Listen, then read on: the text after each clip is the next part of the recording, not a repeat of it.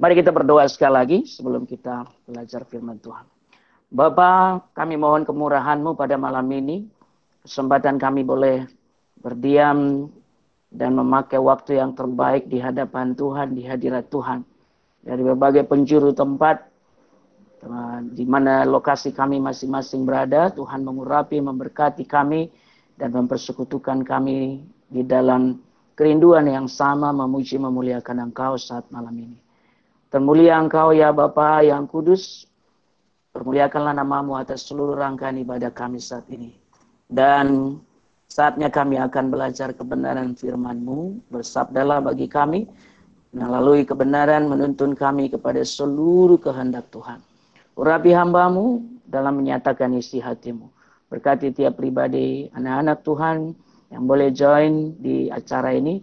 Tiap pribadi sungguh ada di dalam naungan kasih Tuhan. Beroleh berkat yang baru dari engkau melalui sabda pengasihanmu. Berfirmanlah Bapa kami siap mendengar di dalam nama Yesus Tuhan dan Juru Selamat kami yang hidup. Amin. Salam adik-adikku semua. Halo, Bang. Halo, Bang. Baik, saya perkenalkan diri. Saya kira beberapa di antara saudara uh, kurang mengenal saya ya. Uh, di Fakultas Ekonomi uh, memang agak kurang kesempatan saya menyampaikan firman. Di USU secara khususnya saya sekarang pendeta di Gereja Metodis Indonesia GMI Gloria yang di MT Haryono nomor 38. Uh, Medan Mall di seberangnya ya uh, dulu saya adalah pelayan Tuhan dalam pelayanan mahasiswa di IKIP Negeri Medan. Saya angkatan 89 dulu. Uh, sejak masuk semester 1 saya sudah bergabung ikut melayani mahasiswa dua periode uh, koordinasi saya ikut dan seterusnya tamat dari IKIP jurusan seni musik. Melanjutkan studi saya ke STT Bandung angkatan 2000 eh, angkatan 93 selesai 98 lalu saya pernah tiga setengah tahun menjadi staf di YPDPA Sumut ya. Kalau adik-adik pernah dengar Victor Tobing, Bang Ramlan Nababa dan seterusnya. Terus 2002 eh, saya masuk pelayanan di gereja di Solo dan saya ditabiskan tahun 2004 di GKA Gereja Kristen Abdiel uh, Solo ya. Dan sampai 2009 2009 bulan Februari kami kembali ke Medan dan jadi ada sekitar tujuh tahun kurang lebih saya off dari pelayanan mahasiswa sejak staff di EPDPA itu oh, kehilangan kontak sedikit banyak dengan kampus dan 2009 kembali lagi dalam pelayanan di gereja sekaligus melayani adik-adik mahasiswa di semua kampus saya kira ya. Dan sampai hari ini karena COVID itu ini sebetulnya saya uh, tidak melayani secara langsung di kampus sampai hari ini saya masih memberi waktu untuk adik-adik kita di kampus dalam semua fakultas di USU saya kira saya sudah jalani itu ya di Unimed di berbagai tempat termasuk persekutuan siswa di sekolah-sekolah negeri ya. Baik, saya uh, juga di dalam persekutuan alumni, beberapa persekutuan alumni boleh uh, kesempatan saya melayani karena saya juga alumni pelayanan kampus ya.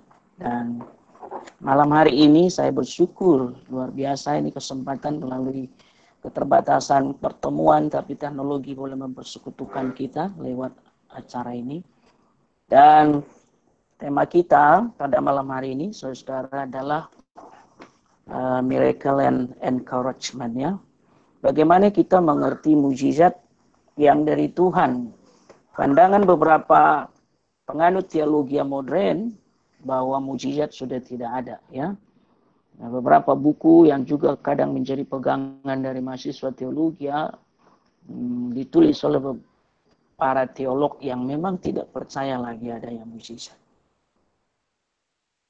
Uh, teologi modern secara khusus teologi liberal sangat mempengaruhi gereja dan sekolah-sekolah teologi sampai hari ini, terutama di abad modern ini ya. dan alumni sekolah teologi terutama sekolah-sekolah teologi yang besar-besar yang lama yang di luar negeri sebagian juga di Indonesia uh, menganut pengajaran ini karena mereka memandang mujizat adalah sesuatu yang tidak uh, connect dengan akal pikiran ya dengan uh, intelektual.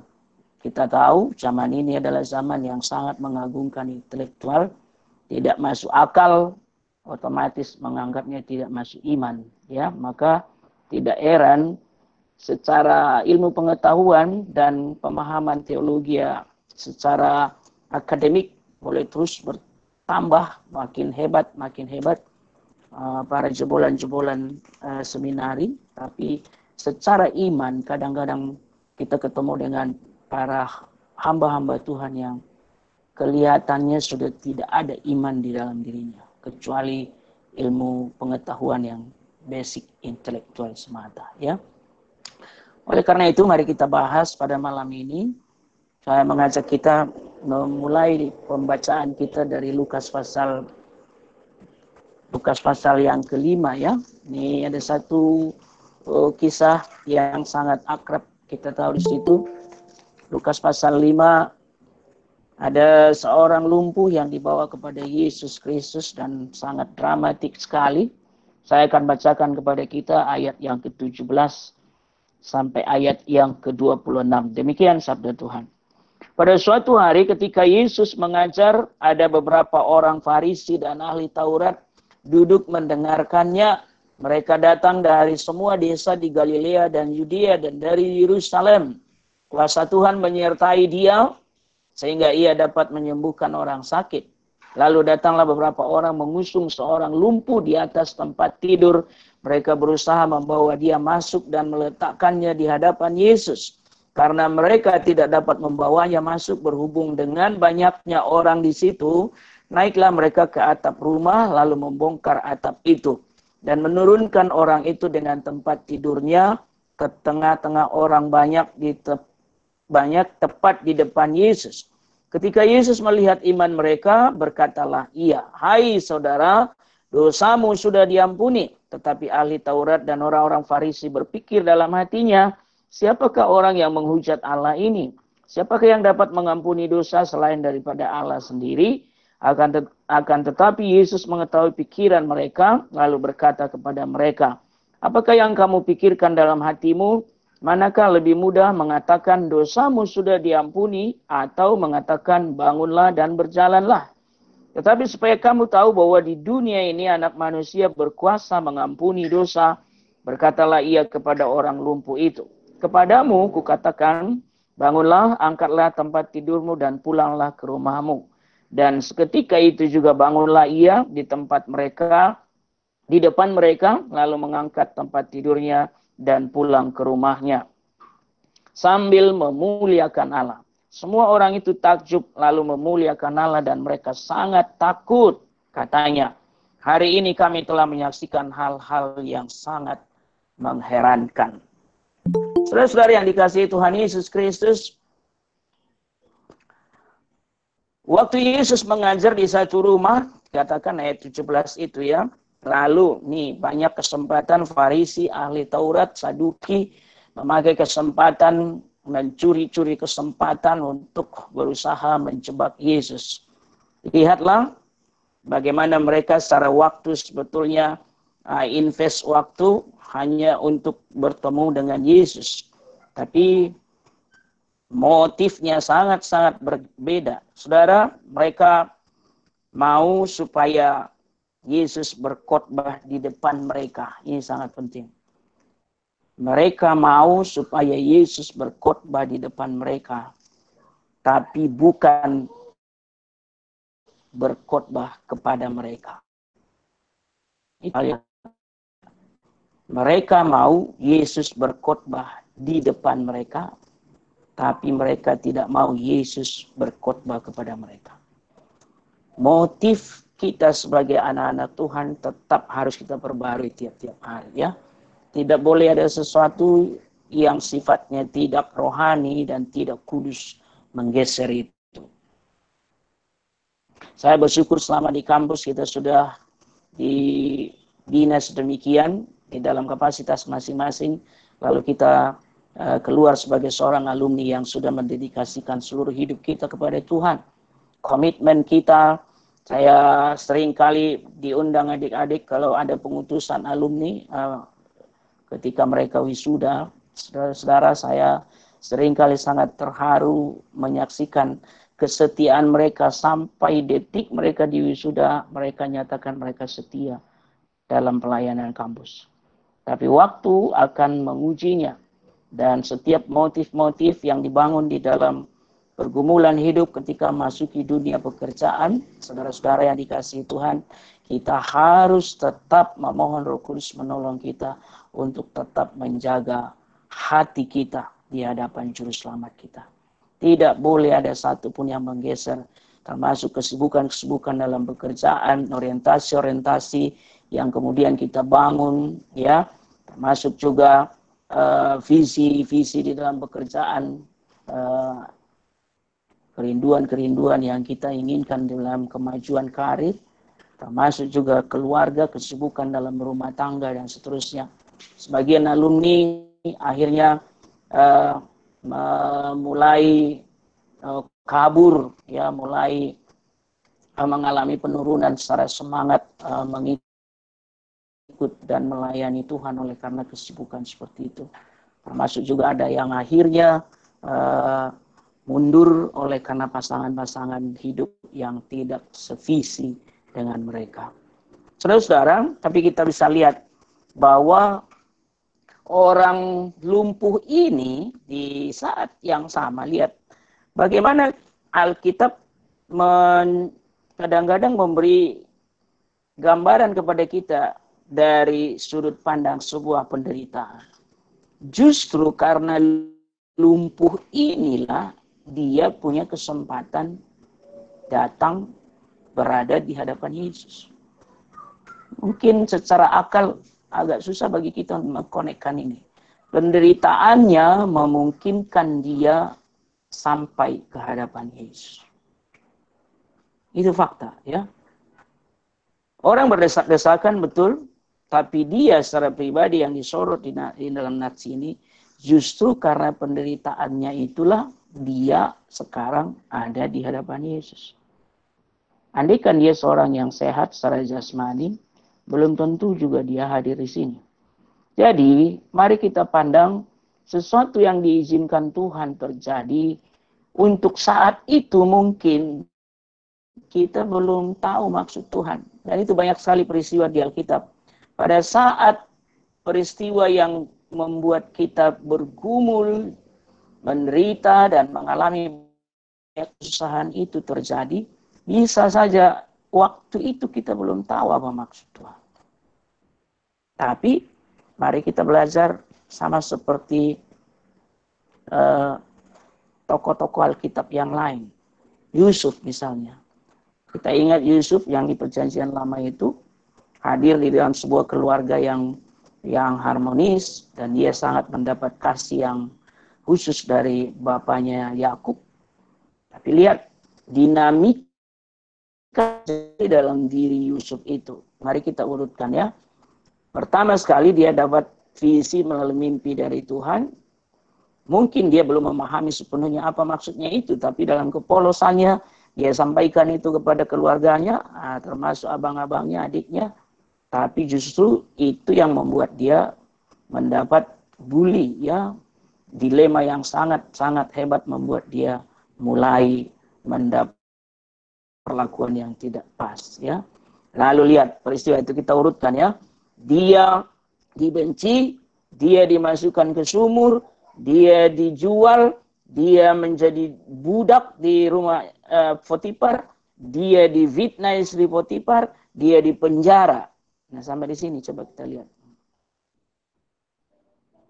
Sekian peristiwa ini step by step justru membuat dia semakin dekat kepada lingkaran kekuasaan Firaun itu. Tahta Firaun itu. Coba kita buat mundur. Dia tidak pernah dibenci saudaranya, dia tidak pernah dimasukkan ke sumur, dia tidak pernah dijual, dia tidak pernah diperbudak Potipar, dia tidak pernah difitnah istri Potipar, dia tidak pernah dipenjara. Maka kita akan lanjutkan. Dia tidak akan pernah menjadi raja nomor dua di Mesir. Apakah setiap step dipahami oleh Yusuf pada waktu itu? Jawabannya enggak. Tidak tahu menau dia sama sekali. Yang dia tahu adalah dia memiliki Tuhan, dia memiliki Allah yang tidak boleh dikecewakannya. Saudara coba cek nanti peristiwa bagaimana dia dengan sangat-sangat kondisi yang yang sangat-sangat riskan sekali ya. Bagaimana dia di depan Potifar itu, eh, istri Potifar itu dengan pencobaan yang sangat-sangat memuncak. Dia justru bilang, bagaimana mungkin aku melakukan dosa ini terhadap Allahku. Saya lama sekali merenung-renungkan ayat itu. Saudara, secara fakta ada istri Firaun yang begitu. Alkitab katakan setiap hari, setiap hari loh, setiap hari dicatat Alkitab.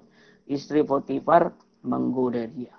Tapi ketika puncak seperti itu yang Yusuf ingat adalah Allahnya. Bagaimana mungkin aku melakukan dosa seperti ini, dosa besar ini di hadapan Tuhan Allahku. Dan dia menghindari itu.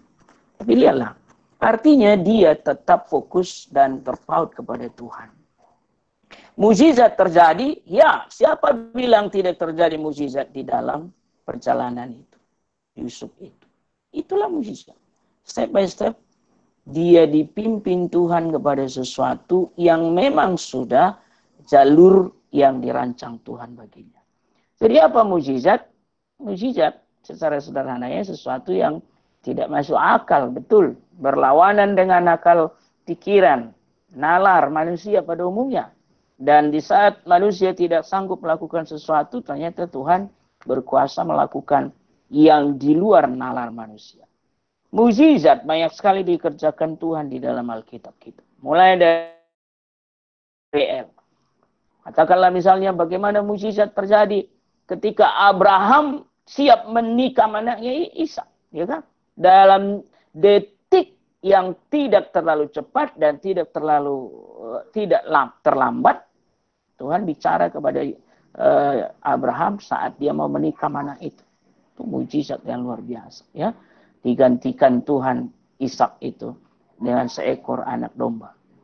Israel menyeberangi Laut Tebrau, misalnya Laut Merah. Kita lihat bagaimana hebatnya mujizat. Orang-orang liberal bilang nggak ada mujizat di situ waktu Israel menyeberang. Loh, terus apa dong? Pada waktu itu semua dilogikakan mereka, ya. Itu tidak ada mujizat, tapi pada pas Israel sudah buntu, uh, jalannya, terus orang Mesir dari kejauhan sudah kelihatan mau datang untuk menyerang mereka dengan pasukan yang penuh. Lalu di saat yang sama datang badai tornado sejenis yang kita kenal sekarang. Diputar-putar air laut teberau itu sehingga bisa lewat mereka. Tuh, kalau tornado memutar air masa orang yang nggak terputar-putar juga terbang-terbanglah orang-orang itu harusnya kan. Nah, tapi teologi liberal membangun seperti itu. Misalnya Yesus memberi makan 5.000 orang, sisa 12 bakul. Orang liberal akan bilang nggak ada mujizat di situ. Tapi karena semua orang pada membawa makan, memang pada waktu Yesus mengambil roti eh, dan ikannya anak kecil itu mereka merasa malu, mereka juga keluarkan eh, makanannya. Jadi semua melimpah lalu sisa. Semua dilogikakan. Tapi sebetulnya ketika iman kita terpaut kepada Sang Allah yang maha tinggi yang kita percaya kuasanya itu luar biasa, maka kita percaya mukjizat masih terus dikerjakan Tuhan sampai hari ini. Tuhan menopang alam semesta ini dengan dengan kuasanya. Secara ilmu antariksa kita tahu ya kan, bagaimana jarak bumi dengan matahari atau bulan dengan bumi, matahari dan seterusnya. Dan semua sistem tata surya ini dipelihara Tuhan dari segi jarak aja misalnya. andaikan bumi lebih dekat sedikit saja kepada matahari dalam perputaran yang sel selama umur bumi ini, mendekat sedikit, mendekat sedikit dari tahun ke tahun atau dari abad ke abad, habislah kita manusia akan gosong. Andaikan makin jauh, maka bumi ini akan kedinginan. Lihatlah bagaimana Tuhan sebetulnya tetap menopang bumi ini, alam semesta ini dengan kuasanya dengan semua sistem tata surya diatur sedemikian, tidak ada sedikit pun bertentangan sampai nanti Matius pasal 24 dinyatakan dunia ini akan diakhiri sebelum penghakiman. Kan? Mujizat masih terjadi.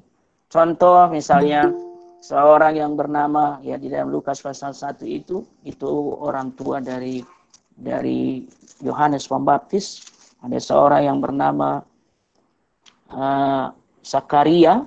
Sakaria adalah seorang imam, 24 rombongan sudah di, diatur di dalam ibadahnya orang ya, orang Yahudi ya, orang Israel.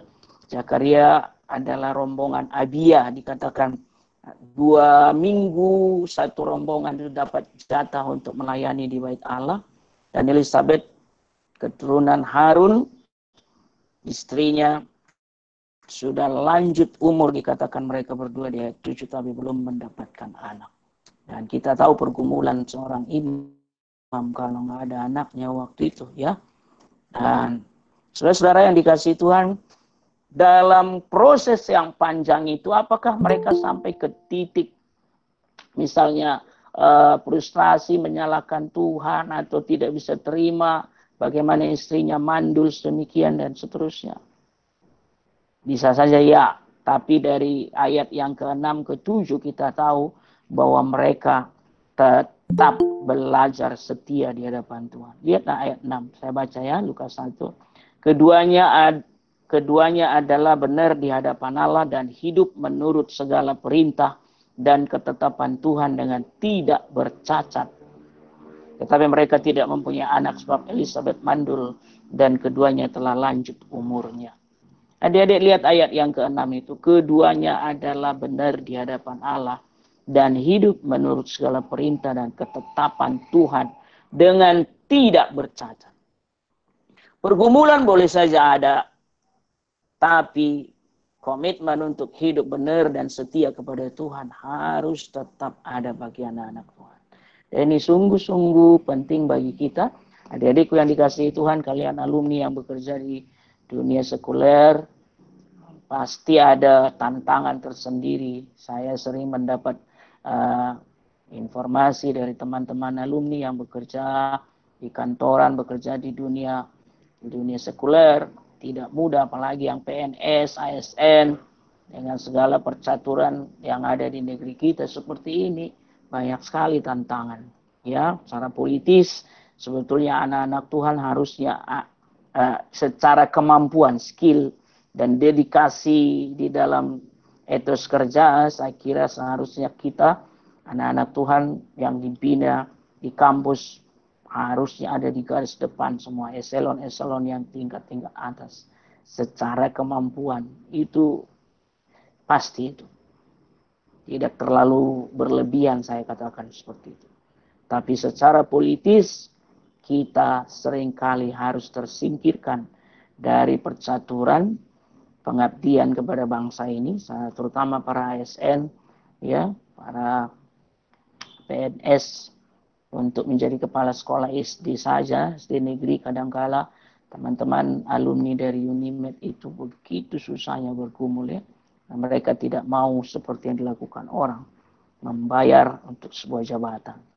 Adik-adik, e, mukjizat masih terjadi, ya Artinya mujizat seperti apa? Mungkin tidak seperti yang uh, yang yang di kita saksikan di Alkitab spektakuler spektakuler seperti itu, tapi mujizat dari hari ke hari, step by step, pergumulan yang satu ke pergumulan yang lain, sampai hari ini Tuhan masih memberi kita jalan keluar dan peluang-peluang yang kadangkala kita tidak mengerti, tapi kok tiba kita sampai kepada satu titik, wah Tuhan memimpin saya ke sini. Itulah mujizat. Ya, Mujizat uh, meskipun masih terjadi ya, bagian kedua, poin kedua, uh, mujizat bukanlah segalanya. Saudara-saudara, dalam hal-hal tertentu kita membutuhkan mujizat dari Tuhan, terutama saat ini masa pandemik ini. Ya, saudara-saudara, kapan ini berakhir kita tidak tahu. Ini sudah bulan keempat. Kami sejak minggu ketiga Februari, eh, minggu ketiga Maret sudah tidak beribadah secara pertemuan jemaat di gereja. Sampai minggu besok belum juga. Sudah uh, empat bulan, ya. Dia dikasih Tuhan kapan selesai kita nggak tahu. Dan lihatlah bagaimana angka statistik yang yang kena COVID ini positif makin terus seribuan satu hari sekarang, seribuan satu hari se Indonesia. Bagaimana ini kita memandang ini? Kita hanya bisa memohon anugerah Tuhan. Saya baca tahun 1918 1918 betul. Uh, sekitar itu pernah ada flu Spanyol juga terjadi. Saya dapat data yang yang yang yang valid. Flu Spanyol itu kira-kira 100 tahun yang lalu berarti kan itu memakan korban 90 juta orang. Loh, kalau dikumpulin korban corona sampai hari ini belum ada, oh, masih jauh sekali dari 90 juta, ya kan? Ya, flu Spanyol 90 juta dan masa pandemik itu satu setengah tahun. Satu setengah tahun. Kalau kita ambil itu sebagai contoh betapa masih panjangnya kesulitan yang harus kita alami. Nah, saudara-saudara yang dikasih Tuhan, mari kita masuk kepada eh, nats yang tadi kita baca di Lukas pasal yang kelima itu. Kembali, Yesus mengajar Orang Farisi dan ahli Taurat justru tidak melihat kesempatan itu sebagai satu hal yang dimanfaatkan untuk membangun imannya. Justru untuk mencari kesempatan mencoba Yesus. Kita tidak memiliki sikap seperti ini dan jaga hati untuk tetap tulus dan memiliki kerinduan yang besar yang dalam hadirat Allah harus tetap menjadi bahasa yang akrab dengan kita. Ya, adik-adik, hadirat Allah harus menjadi bahasa yang tetap akrab. Kita cari hadirat Allah, kita cari wajah Allah. Sesibuk apa pun kalian di dalam tugasmu sehari-hari, tetaplah cari hadirat Allah. Itu sabda HPDT, saya selalu ulang-ulangi kepada mahasiswa dan alumni. Kita sudah di direkam habis itu lengket di dalam uh, pemahaman kita HPDT, HPDT, HPDT. Baru HPDS ya. Maka belajarlah terus untuk menjaga HPDT. Dari sana kita dapat kekuatan untuk tetap eksis ya. Mujizat tidak selalu harus kita pandang sebagai sebuah peristiwa spektakuler yang lumpuh berjalan, yang buta melihat seperti di Alkitab itu ya. Tapi mujizat juga bisa bicara tentang pertolongan Tuhan dari hari ke sehari. Dan seorang mengatakan mujizat sebetulnya yang paling besar adalah ketika seorang berdosa seperti kita yang harusnya dimurkai, dihukum Tuhan di api neraka, tapi akhirnya kita mengenal bertemu dengan Sang Juru Selamat. Hati ini menjadi milik Yesus Padahal kalau kita cek satu-satu kita masa lalu masing-masing, masa lalu masing-masing, kitalah yang tahu bagaimana dulu kita sebelum serius mengikut Tuhan secara formal keturunan mungkin kita adalah orang Kristen tapi sungguh masih jauh sekali dari apa yang dirindukan Tuhan. Lalu pada satu titik seperti saya dan eh, kalian semua di kampus misalnya mengenal juru selamat. Itulah mujizat terbesar saya selalu pahami seperti itu. Mujizat terbesar adalah ketika anugerah Tuhan, anugerah terbesar itu mengubah hidupku. Nah, tadi kita lihat Yesus mengajar, lalu dikatakan mereka datang dari semua desa. Ini orang banyak itu, ya. kumpul. Pantas saja rumah itu lalu cepat sekali penuh ya. Mereka datang dari semua desa. Kata semua desa. Semua desa di mana? Di Galilea, Yudea, dan dari Yerusalem. Pikir-pikir berapa banyak itu ya. Rumah pun pasti sangat terbatas. Kuasa Tuhan menyertai dia sehingga ia dapat menyembuhkan orang sakit. Saudara-saudara, karakteristik dari banyak penafsir mengatakan empat orang ini ya. Kenapa empat? Keadaan disebut, disebutkan sebetulnya empat orang pengusung orang lumpuh ini. Tapi dari cara kerjanya menurunkan seseorang dengan tali pastinya dari atap rumah supaya simetris ya, supaya seimbang ya harusnya minimal empat ya. Nah, pegang masing-masing tali setiap sudutnya ya. Apa yang mereka miliki? Ya, mereka peduli sesama, peduli karena ada kasih, peduli karena mereka sudah belajar menghilangkan egois di dalam diri mereka. Itu yang menggerakkannya. Kepedulian itu sebetulnya harus menjadi sebuah latihan. Maka anak-anak kita ya harus kita ajar mulai sejak kecil kepedulian pada sesama. Kepedulian untuk mau berbagi. Ada dua rotinya ketika ada temannya di situ, kita minta bagi sama kawannya. Itu latihan ya. Kalau tidak ada latihan seperti itu lama-lama dia akan egois. Itu sebabnya kalau masih satu anak, nah dianugerahi Tuhan satu anak adik-adik, eh, kalau udah kondusif tambahinlah satu lagi supaya ada temannya berbagi ya kalau konon katanya kalau satu aja bisa bertumbuh menjadi egois dia ya. Nah, itu intermezzo ya. Lihat kepedulian ini saya coba bandingkan dengan orang Samaria yang baik hati yang ditulis dalam Lukas pasal 10 ya berikutnya ini ya.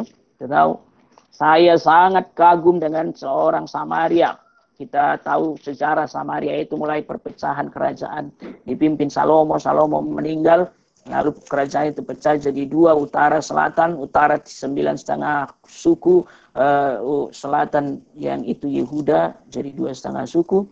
Uh, utara ibu kotanya Samaria, uh, Yehuda ibu kotanya uh, Yerusalem. Israel ibu kotanya Samaria. Nah itulah sejak itu Jerobeam ya di utara, Rehabeam anak Salomo di selatan. Karena takut condong hatinya rakyatnya setiap tahun setiap tahun minimal pergi ke Yerusalem rakyatnya Yerobeam raja mereka membangun dua mesbah penyembahan di Dan dan Berseba. Kalau kita lihat peta itu di atas dan di bawah peta ya, Jazirah Israel itu ya. Dan sejak itulah mereka tidak terbiasa lagi ke Yerusalem dan tidak lagi mengenal uh, Jehovah secara benar, kitab suci mereka pun hanya percaya kepada lima kitab Musa dan seterusnya. Singkat cerita Samaria menjadi orang asing bagi yang selatan, apalagi uh, mereka lebih dahulu dihancurkan Asyur tahun uh, 700-an dan tidak pernah kembali. Lalu yang Yehuda dihancurkan Babel tahun 500-an, itu syukur kembali setelah 70 tahun. Artinya zaman Yesus, Samaria sudah sangat-sangat tidak mengenal Tuhan dalam konteks orang Israel. Tapi lihat bagaimana orang Samaria yang baik hati itu, dibandingkan di situ ada imam, ada orang Lewi, para pelayan-pelayan Tuhan. Orang imam itu ibarat pendeta sekarang, orang Lewi itu ibarat sintua, majelis pelayan-pelayan Tuhan sekarang, para pengurus gereja. Singkat cerita, dua orang itu sangat-sangat tidak memiliki kepedulian sengaja menghindar hanya dengan alasan nanti mereka tidak uh, uh, tahir ketika melakukan tugasnya. Artinya kasih untuk kemanusiaan ternyata jauh lebih kecil dari sekedar tugas formal. Orang Samaria ini saya saya cantumkan di situ, silakan dibuka deh ya. Lihatlah sederetan uh, kata kerja di situ. Orang Samaria yang baik hati itu dikatakan tergeraklah hatinya oleh belas kasihan. Explas, explakiste itu bahasanya.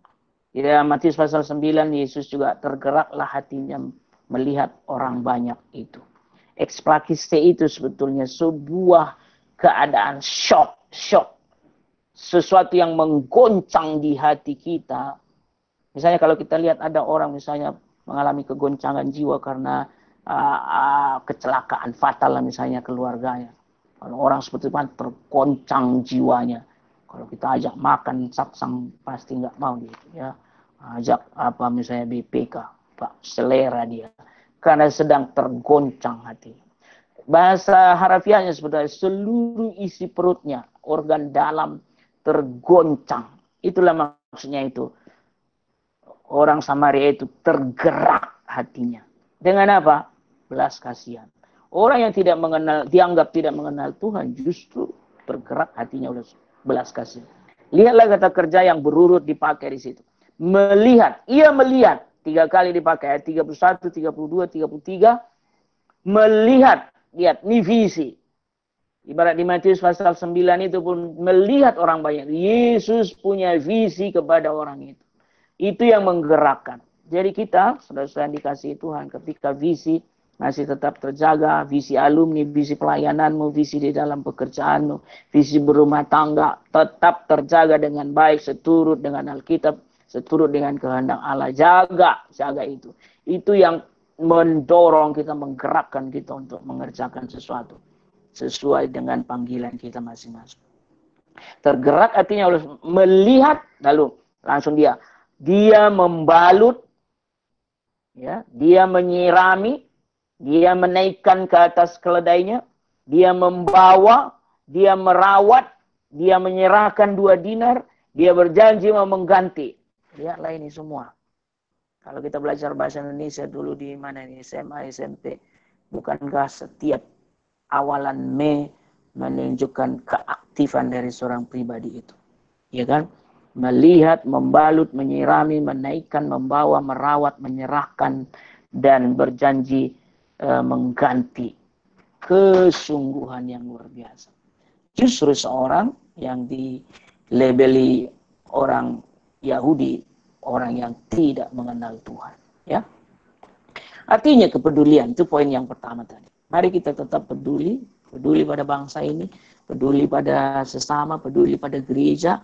Ya, gereja sekarang juga mengalami uh, kemerosotan dalam skala kami baru dapat data survei terhadap gereja yang dilakukan se-Indonesia. Tentu survei terbatas tapi salah satunya adalah bagaimana kegelisahan mulai di dalam diri gereja dan pelayanan yang tidak bisa maksimal juga secara khusus secara keuangan ya. Ada gereja-gereja yang sangat-sangat terbatas kasnya saat ini sangat-sangat uh, mengalami kesusahan khusus di dalam operasional gereja mereka dan penggajian ah, hamba-hamba Tuhan mereka ya. Dan yang kedua dipenuhi dengan semangat kerjasama. Ini penting. Bukan sama-sama kerja. Kerjasama beda dengan sama-sama kerja ya. Empat orang bagaimana mereka sejak dari tempat orang yang lumpuh itu sampai ke lokasi dan bagaimana mereka punya ide, gagasan, tidak cepat menyerah. Mereka saling menguatkan satu dengan yang lain.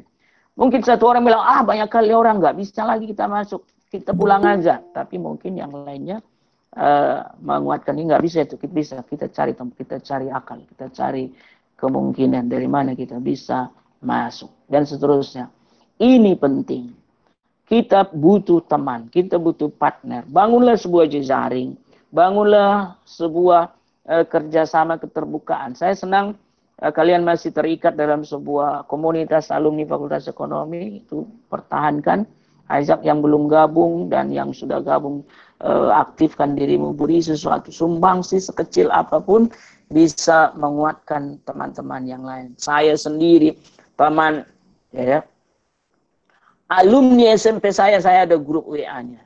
Dan saya hadir di situ satu-satunya pendeta. Apa yang bisa aku lakukan saya sampaikan di situ. Alumni SPG, saya dulu SPG bukan SMA ya. Di Sibolga. Alumni seni musik di tiga, saya ada grupnya juga. Alumni ST Bandung ada grupnya juga. Alumni ST uh, Met, uh, GMI Metodis ya Bandar Baru. Semua Jadi dalam kapasitas saya termasuk grup-grup yang lain di dalam gereja, jemaat, hadirlah sebagai seorang pembawa berita sukacita, damai sejahtera dan seterusnya. Tidak hanya sekedar bersendagura, sendagura juga baik, penting, tidak selalu harus formal-formal uh, kita semua ya, tidak harus semua di dalam kondisi apa namanya tidak ada selera humor sama sekali enggak juga ya. Harus ada selera humor di mana kita bisa saling menguatkan. Seperti tadi waktu ketemu satu dengan yang lain saling menyapa. Itu bagus ya. Komunitas ini kita harus jaga adik-adik. Dalam kapasitas masing-masing berilah dirimu beri hatimu beri kasihmu di mana pun berada. Oh, tadi di di luar Sumatera juga banyak teman-temannya pasti. Nah berilah. Nah, contoh misalnya di Alkitab saya sampaikan itu saat pasukan Israel berperang melawan Amalek. Nah, kalian baca itu di Keluaran pasal 17 ayat 12 kan Tuhan suruh angkat tangan tuh Musa ya coba pegal itu angkat tangan pegang tongkat itu sebetulnya ya.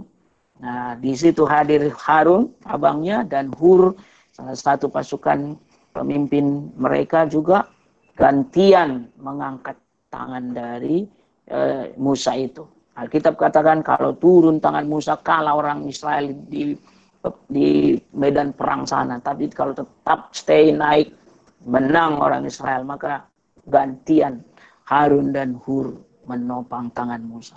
Di situlah butuh partner ya. Di situlah butuh seorang teman yang bisa saling menguatkan.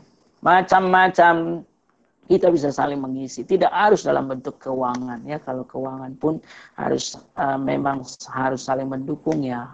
Itu saya kira wajar saja. Dalam bentuk semangat, dalam bentuk eh, peluang-peluang, informasi-informasi, macam-macam hal kita bisa. Kami di gereja itu selalu kalau ada pengusaha uh, butuh uh, karyawan baru selalu ditempelkan di papan pengumuman. Perusahaan ini butuh ini silakan melamar hubungi si ini dan seterusnya. Saling mendukung lah saling mendukung ya. Di dunia alumni juga saya kira pasti ada pergumulan-pergumulan tersendiri.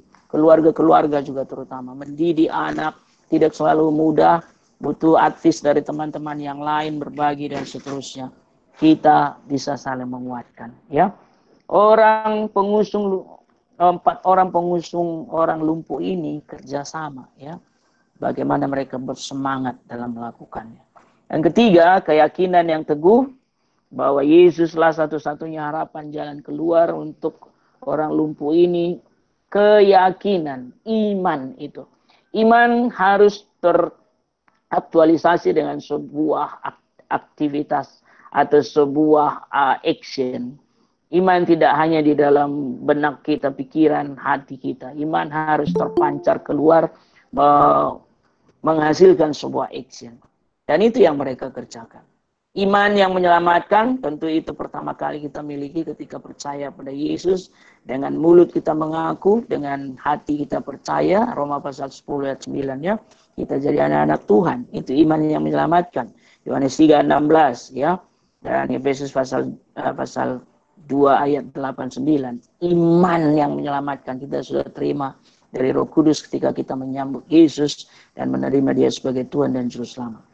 Tapi iman juga bicara tentang pengetahuan kita yang terus dinamis, bertambah, bertambah terus, pengenalan, pemahaman firman, secara doktrin juga, secara pemahaman teologi, kita alumni harus semakin baik. Saya berharap alumni-alumni boleh gabung di mana di STM, di di Punguan Marga atau di apa pun yang sudah berkeluarga ya.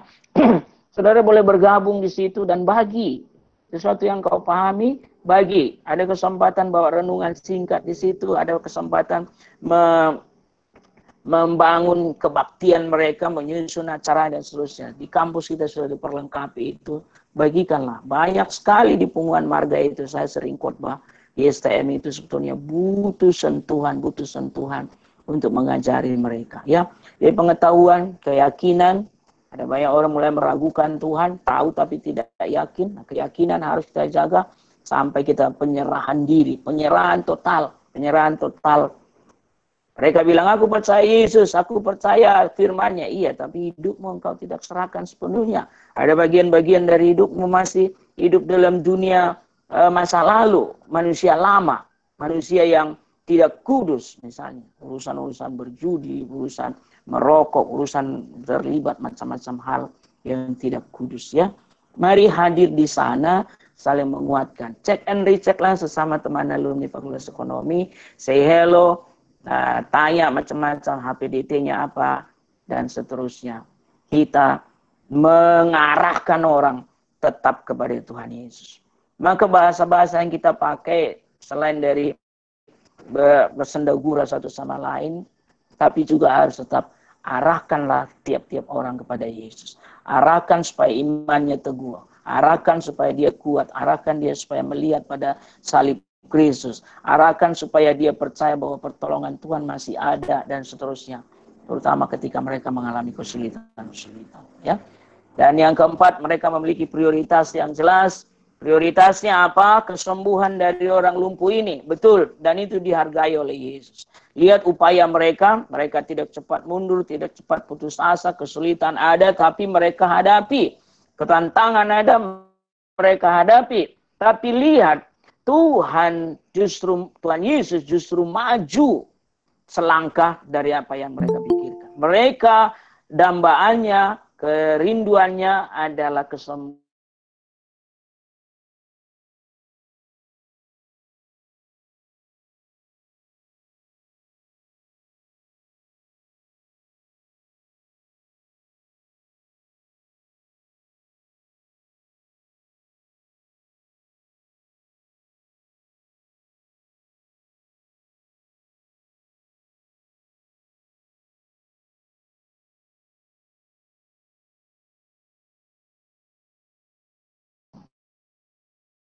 Ketika Yesus melihat iman mereka, pertanyaannya, mereka ini siapa?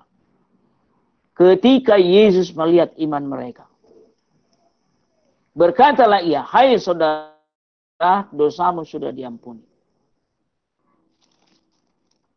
Mereka ini siapa? Orang yang berempat ini.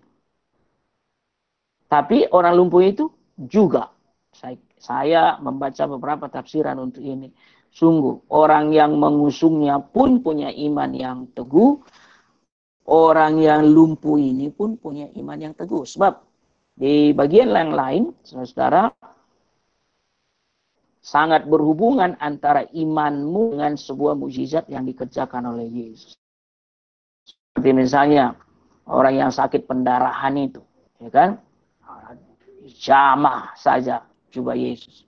Nah, ada juga anaknya sakit, sudah bertahun-tahun seorang ibu.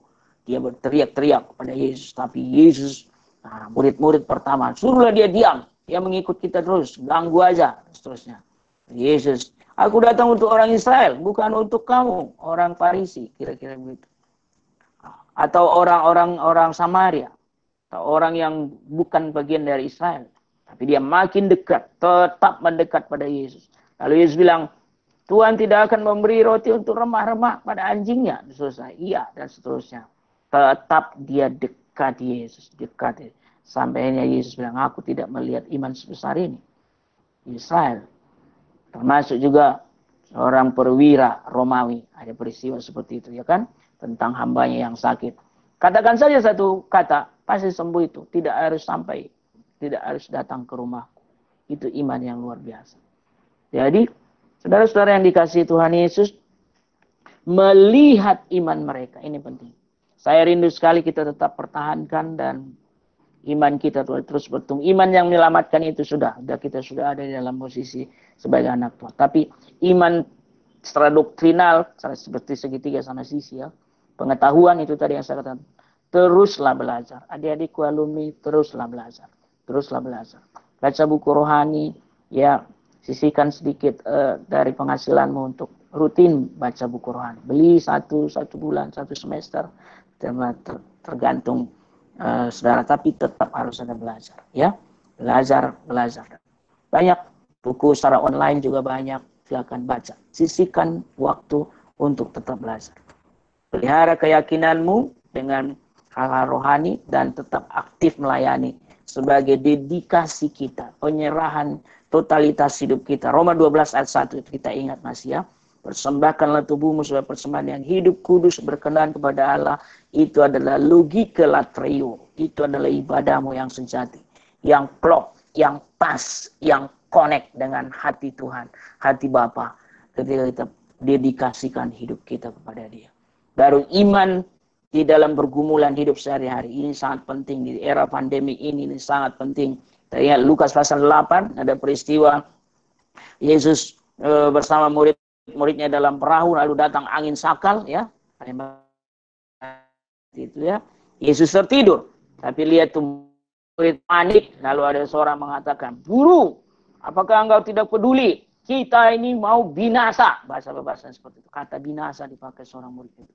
Siapa itu? Kemungkinannya adalah Petrus nah saat Petrus sebagai seorang nelayan yang handal pengalaman yang banyak dia dipanggil menjadi murid sebagai seorang nelayan kok dan badai seperti itu sudah biasa sebetulnya dalam pengalaman mereka. Tapi lihat Yesus ada di situ, dia berani munculkan kata binasa. Kita binasa. Tidakkah engkau peduli kita binasa? Bahasanya seperti itu. Yesus dengan kuasanya meredakan angin ribut itu dengan satu kata. Tenanglah. Tapi Yesus mencela mereka. Ya. Di manakah kepercayaanmu? Jadi ibarat yes, kau, kau bilang kau anak Tuhan, tapi kau nggak ada keyakinanmu, percayamu sedikit pun ketika ada pergumulan datang. Ketika badai hidup datang. Ketika ada masalah. Ketika ada tantangan, kamu langsung ambruk sih. Kamu langsung drop sih. Kamu langsung nggak kelihatan lagi, nggak eksis lagi, hilang langsung. Nah, dia ada yang dikasih Tuhan ini sangat penting ya.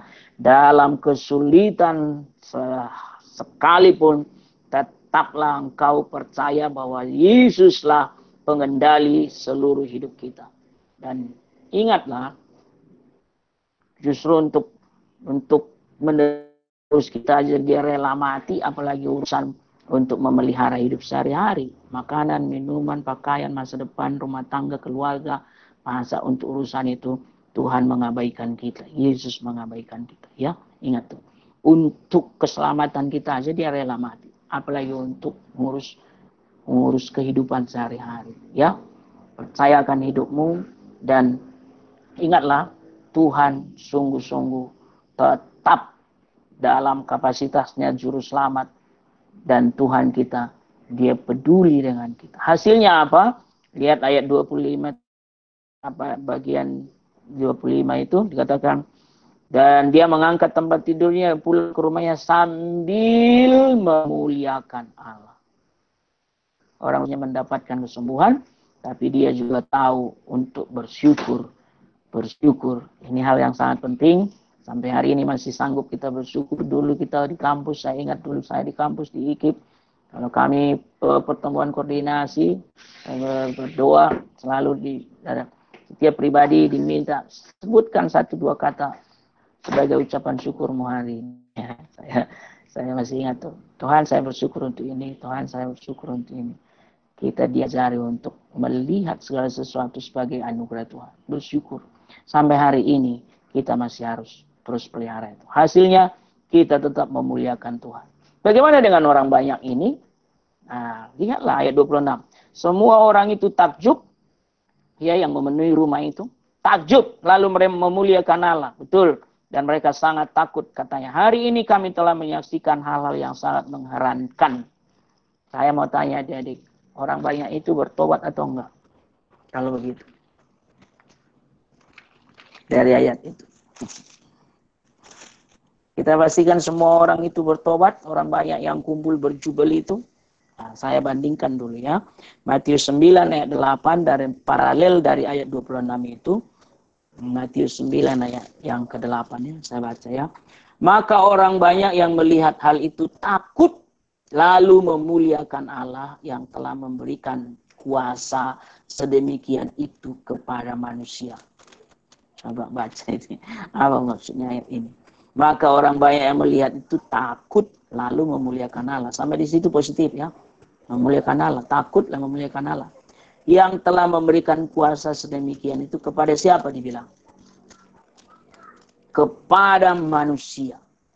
Nah, sudah biasa bagi mereka kalau ada orang bisa menyembuhkan orang sakit, buat mujizat itu berarti Tuhan memberi kuasa kepada mereka, kepada orang itu. Nabila itu, Nabila itu pasti utusan Tuhan lah itu. Tapi manusia, sejauh itu yang mereka percaya. Orang ini punya kuasa dari Tuhan, tapi manusia. Coba bayangkan, andaikan Yesus yang hadir di situ berbuat mujizat kesembuhan itu, mereka pandang tetap hanya sebagai manusia dan bukan Tuhan. Sampai mereka kepada keselamatan? Secara doktrin enggak. Kalau hanya menerima Yesus sebagai manusia. Tapi menerima Yesus sebagai Tuhan dan Juru Selamat. Kita selalu eh, kalimat itu sudah sudah sudah baku itu ya waktu di kampus. Sudahkah engkau menerima Yesus sebagai Tuhan dan Juru Selamat? Satu paket. Percaya dan menerima Yesus sebagai Tuhan dan Juru Selamat. Jadi kalau hanya memandang Yesus sebagai manusia, orang banyak itu kemungkinan tidak sampai ke titik mengalami keselamatan. Kesembuhan bisa saja, karena setelah orang lumpuh ini disembuhkan Tuhan, bisa yang lain juga mengalami mujizat yang macam-macam. Makanya mereka datang ke sana. Tapi yang jauh lebih dirindukan Yesus sebetulnya adalah bukan hanya urusan fisik, urusan kebutuhan sehari-hari, urusan selama di dunia ini, tapi juga urus urusan kelepasan dari dosa, kelepasan dari dosa, pengampunan dosa. Nah, adik-adikku yang dikasihi Tuhan, kalau begitu, biarlah kita pandang penyertaan Tuhan hari ini. Dari hari ke sehari, kita melangkah dari mujizat yang satu ke mujizat yang lain. Dan dibutuhkan iman yang teguh situ. Topang tetap imanmu ya, HPDT-mu, ya selalu firman, ibadah, pelayananmu, kesaksianmu, HPDT-mu, HPDS-mu, segala. Dan percaya terus kepada kedaulatan Allah, aplikasi ini ya. Dan Allah berdaulat atas manusia, atas alam semesta, atas pandemik COVID-19 ini. Allah berdaulat ya. Percaya mujizat masih terjadi, sampai hari ini masih ada yang sembuh, lebih banyak yang sembuh, itu berarti mujizat ya. Sampai hari ini kita masih terpelihara, kita masih keluar masuk dijagai Tuhan dan kita uh, masih dijawab doa-doa kita itu mujizat. Saling menghibur dan saling menguatkanlah sesama anak. Ini sangat penting di era yang semakin egois dunia dan sekitar kita. Mari kita bangun sebuah komunitas yang saling peduli. Fakultas Ekonomi, kalian dulu dididik di satu kampus yang sama, diberi kesempatan saling kenal satu dengan yang kadang saya sungguh bisa merasakan apa arti persahabatan anak-anak Tuhan waktu di kampus. Sampai hari ini saya masih bisa rasakan. Bisa-bisa lebih dari saudara kandung. Ya, saya tidak berlebihan saya katakan itu. Bisa melebihi saudara kandung. Kasih kita kepadanya. Rajutlah terus itu. Dan bangunlah terus kasih persaudaraan. Cek and recheck, jangan cuek ya. Satu jangan yang lain Bukan hanya dalam pergumulan kita berbagi. Di dalam suka pun mari kita berbagi. Satu dengan yang lain. Amin.